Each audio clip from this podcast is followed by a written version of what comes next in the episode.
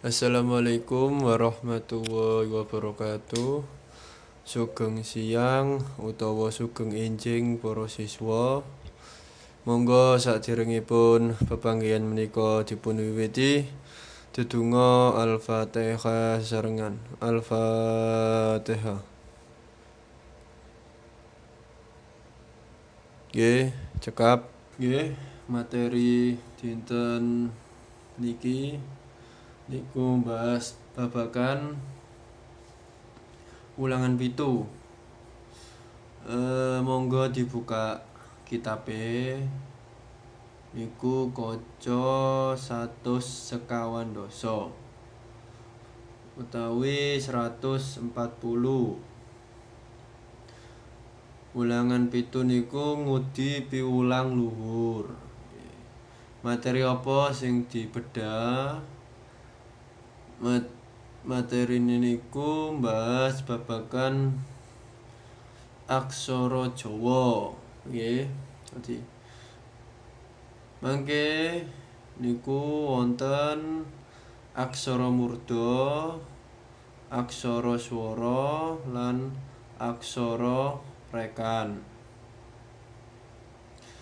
Saniki coba kula ah niki.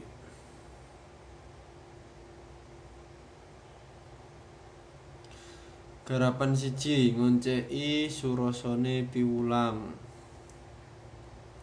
Kanggo kanggo ndudah piwulang lur kang tinemu ing wacan coba wangsulana pitakon-pitakon iki. Apa kang kawruhi bab piwulang luhur Apa tuladhane piwulang luhur kang kuweruhi? Munggah panemumu apa mupangate piwulang luhur?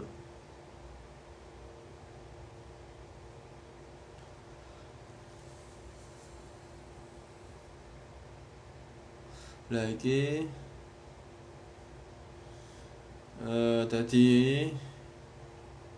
piwulang luhur iku ya iku isine nak jero teks aksara Jawa. Ya, dadi bab sing iki sing mbok pelajari iki engko iku bahas naskah, nggih.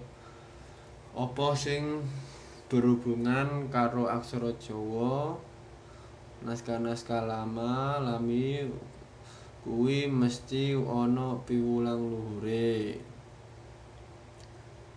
Tuladhane apa? Tuladhane coba buka kitab kaca 100 kawan dosa. Iku sing paling ndukur kan ana tuladha liyane kang ora ana ing wacan. Lagi 1 sampai 10 iki tuladhane piwulang luhur. Ing ngarsa song tulodo ing madya mangkon karsa tutpuri handayani. Kuwi piwulang luhur. Jinglengi teks mawa aksara Jawa. Eh sakniki kula nyuwun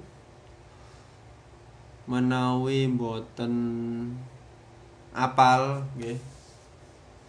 Aksara Jawa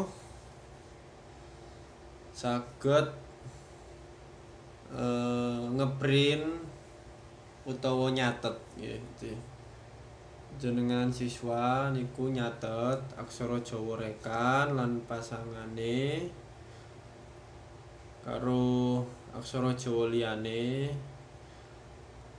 nek seumpama duwe bau sastra eh nek seumpama duwe pepak ora usah nyatet ya tapi nek ora duwe pepak awakmu iso nyatet utawa awakmu ngeprint ya di awakmu ngeprint sing sekirane iku ukurane iku kaya buku di.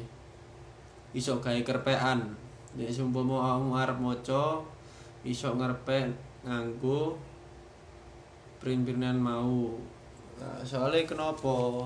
Soalnya mengko materine aksara Jawa iki akeh sing maca ya maca utawi memahami teks aksara Jawa kaya to halaman 100 sekawan doso kali utawa 142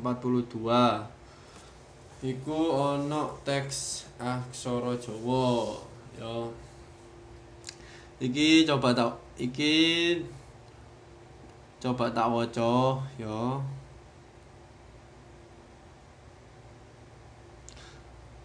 Lah paling dukur ya paling judule iki ira-iraan sing ana simbol-simbol iki iku ira-irahan utawa judul naskah.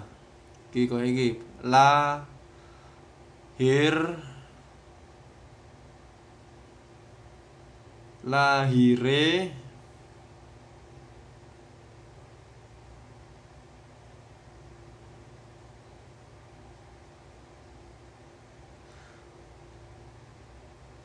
lahire Pandhawa putra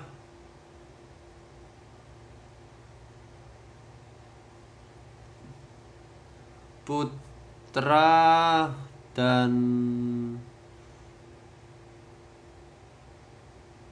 putra Pandu. Putra Pandu Nah iki iki kan ana aksara Jawa murda ya. Sing pertama iki lahire Pandhawa.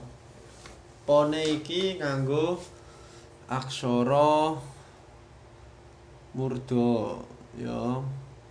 Aksara murda iki apa? Aksara murda iki dienggo kanggo jeneng, jeneng wong ya. Dimedakno karo aksara liyane. Iki ya ngisore iki. Pinggire maneh. Pandu putra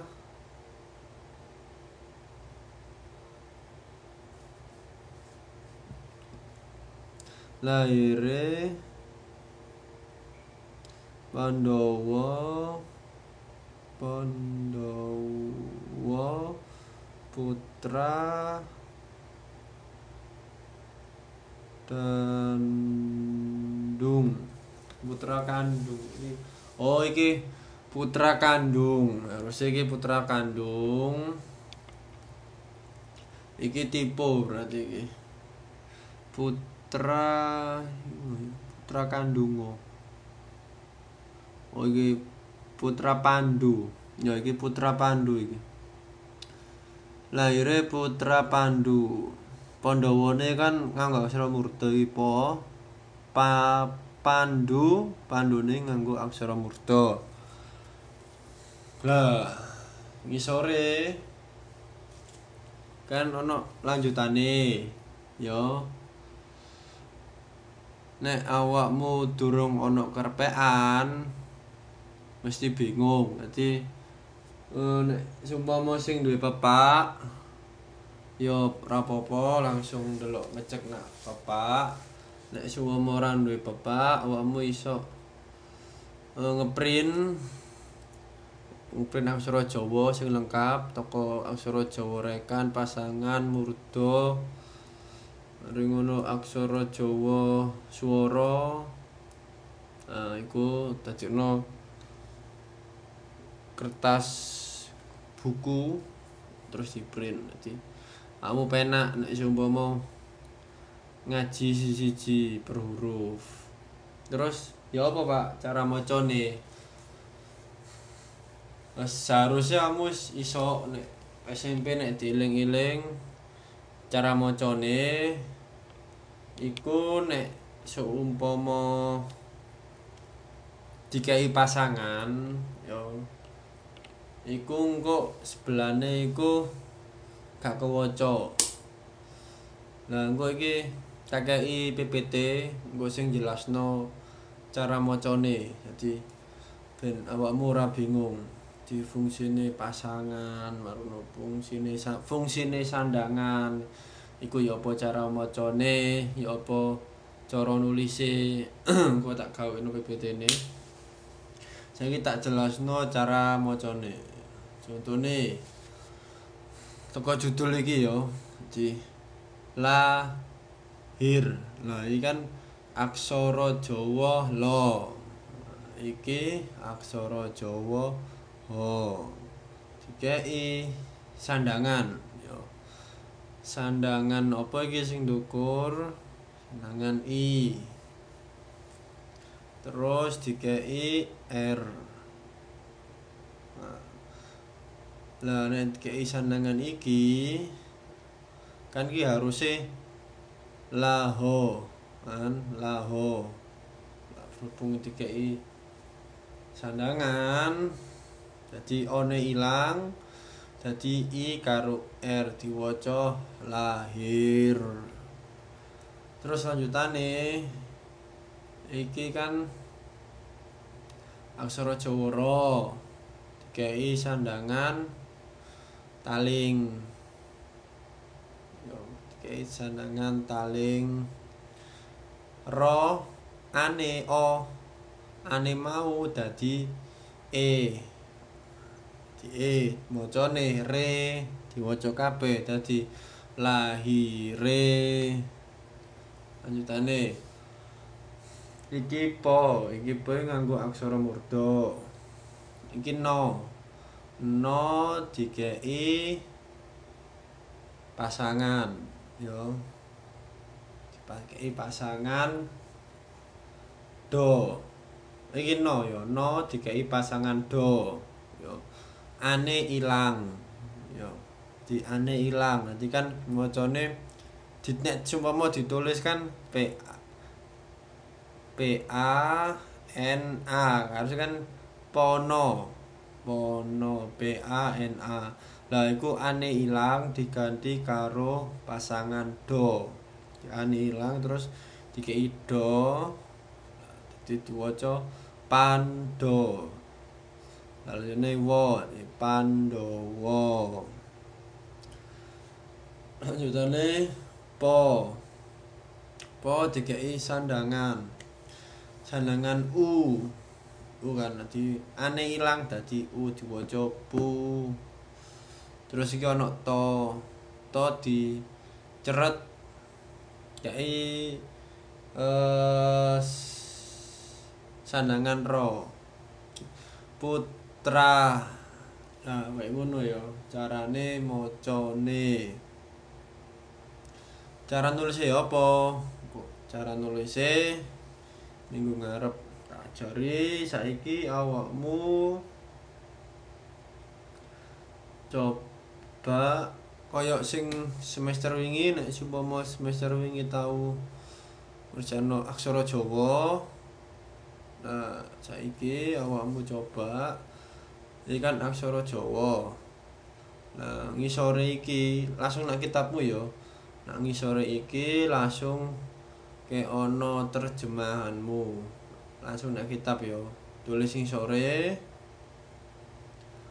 Lah bar kuwi. Lah nang sampai ngisor dhewe ya sampai ngisor dhewe. Nek seumpama wis nang nomor 143 halaman iku ndukure tulisono namamu langsung. Tulis tulisono nama kelas absen. Jadi langsung ditulis nang kitab di halaman 100, nomor 143 nang kitab itu kan ngisore iku tulisono nama kelas karo absenmu. Sumpama wis diterjemahno kabeh. Bar kuwi difoto nggih lajeng dikirim nang emailku biasane yo iki ditulis nang ngisore iki ya. Aja lali. Sadurunge ngerjakno siapno sik aksara Jawane dadi pelan-pelan nerjemahno ini. Di langsung nak nggone kitab. Ya. Gak usah nulis ulang langsung nak nggone kitab. Gawe pulpen apa pensil, Pak? Gawe pulpen, ya. Gawe pulpen ora oleh nganggo pensil. Dadi ben teliti nganggo pulpen. Lajeng saiki bahas sik tak celekno. Nah iki halaman 164.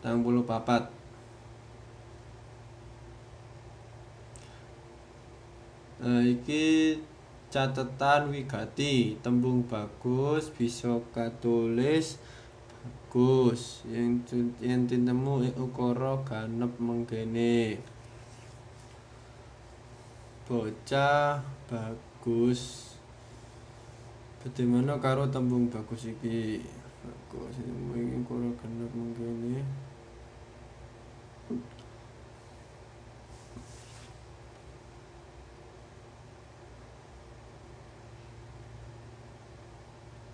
Nah, iki sing dibahas iki oh alah.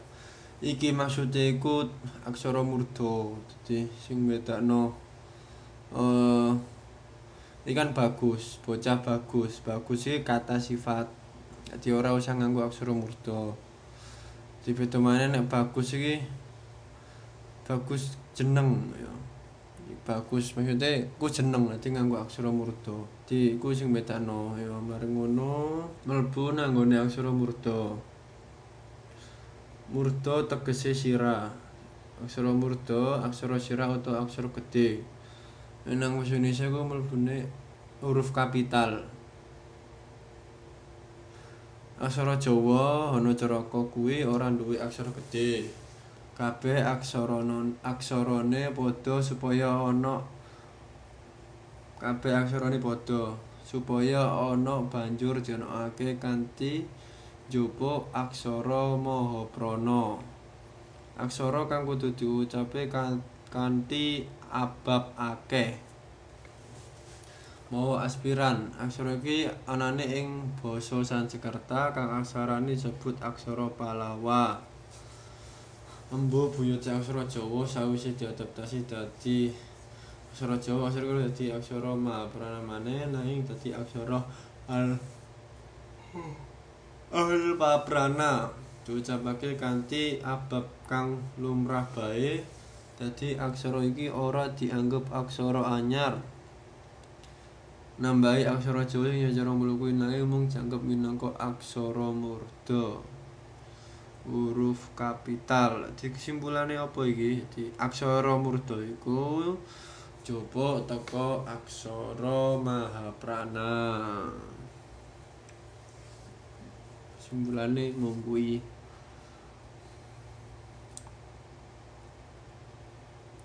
Wiwitane aksara murda mung kanggo pakurmatan wae, tegese mung kanggo nulis asmane wong-wong luhur, jejuluke lan pandun pandununge. Nanging saiki kabeh jeneng becik ditulis nganggo aksara murda.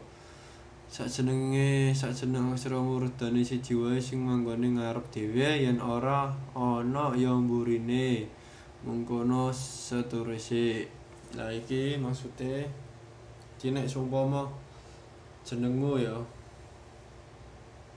Uh, Sulistriawati. Anggape sulis. Nek seumpama kan su. Ana ora aksara murda su lah nek seumpama ora ana aksara murda su berarti mburine lis. Lah nek seumpama ora ana aksara murda lis berarti ora nganggo aksara murda tapi nek seumpama su iku mau ana aksara murda sing pertama sulis lah aksara murdane siji ae nek nggone sune. Nek seumpama ternyata aksara murdane kono su ono lis berarti nak nggone lise. Di koyo ngono contohnya iki neni. Neni kan no iki ono kan dadi cekek ngarep. Nek ono nang ngarep dek nang ngarep. Iki nomor pitu ono sing namburi soalnya sing ngarep kok ono aksara murdane iki namburi contohnya Marjuki Ini semua kono kabeh oh, Pak. Berarti nganggo aksara biasa. Lanjut nang gone aksara swara. Aksara swara cacahe ana 5 yaiku A I U E O ku aksara swara. Aksara swara iki gunane apa? Aksara swara iku gunane nulis tembung-tembung sing saka luar negeri. Ini halaman 149 iku kaya Amerika, Ibrahim, lalu Ustad, A I U nganggo aksara swara. Nggih. Sakmene wae Eh, materi aksara Jawa menika aja lali tugase biasa kaya biasane dikirim langsung wonten email cekap semanten pepanggihan dinten menika. Wassalamualaikum warahmatullahi wabarakatuh